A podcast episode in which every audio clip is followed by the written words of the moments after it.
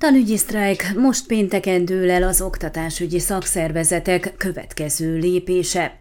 Január 19-én országszerte figyelmeztető sztrájkot tartottak a pedagógusok az iskolákban, ami azt jelentette, hogy a tanárok egy része aznap 11 és 1 óra között nem tanított, de legtöbb esetben bementek a terembe, hiszen a gyerekek felügyeletét meg kellett oldani.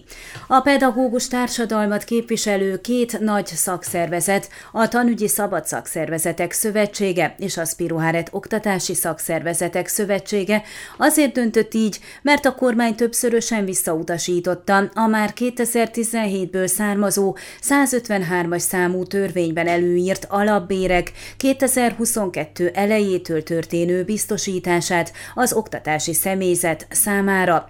Tiltakozásuk oka továbbá a GDP 6%-ának elkülönítése az oktatás finanszírozására, a túlórák kifizetése a kisegítő oktatói és nem oktatói személyzet által a rendes teljes munkaidőn túl végzett munkáért, a kisegítő és nem oktatói tanári álláshelyek számának kiegészítése, amelyek szükségesek ahhoz, hogy az oktatási intézmények a lehető legjobb körülmények között végezhessék tevékenységüket, fogalmazott közleményében a két szakszervezet.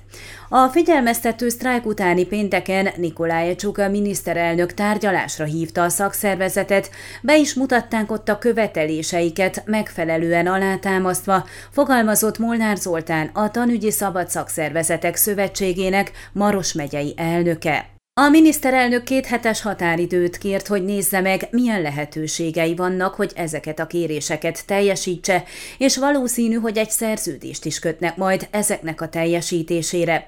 Február 4-én kell ismét találkoznia a két félnek, hogy időrendet szabjanak a kéréseknek, és írásban aláírással rögzítsék azokat. Amennyiben nem elfogadhatóak azok, amiket a miniszterelnök, a munkaügyi és a tanügyminiszterrel közösen ajánl, akkor valószínű, hogy lesz tovább lépés és nagyobb mértékű általános sztrájk, de ennek hosszát és idejét még nem tudjuk megállapítani, mert sok tényező van, részletezte Molnár Zoltán.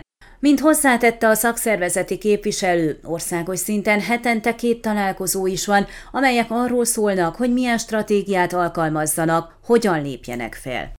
Ön a Székelyhon aktuális podcastjét hallgatta. Amennyiben nem akar lemaradni a régió életéről a jövőben sem, akkor iratkozzon fel a csatornára, vagy keresse podcast műsorainkat a székelyhon.pro portálon.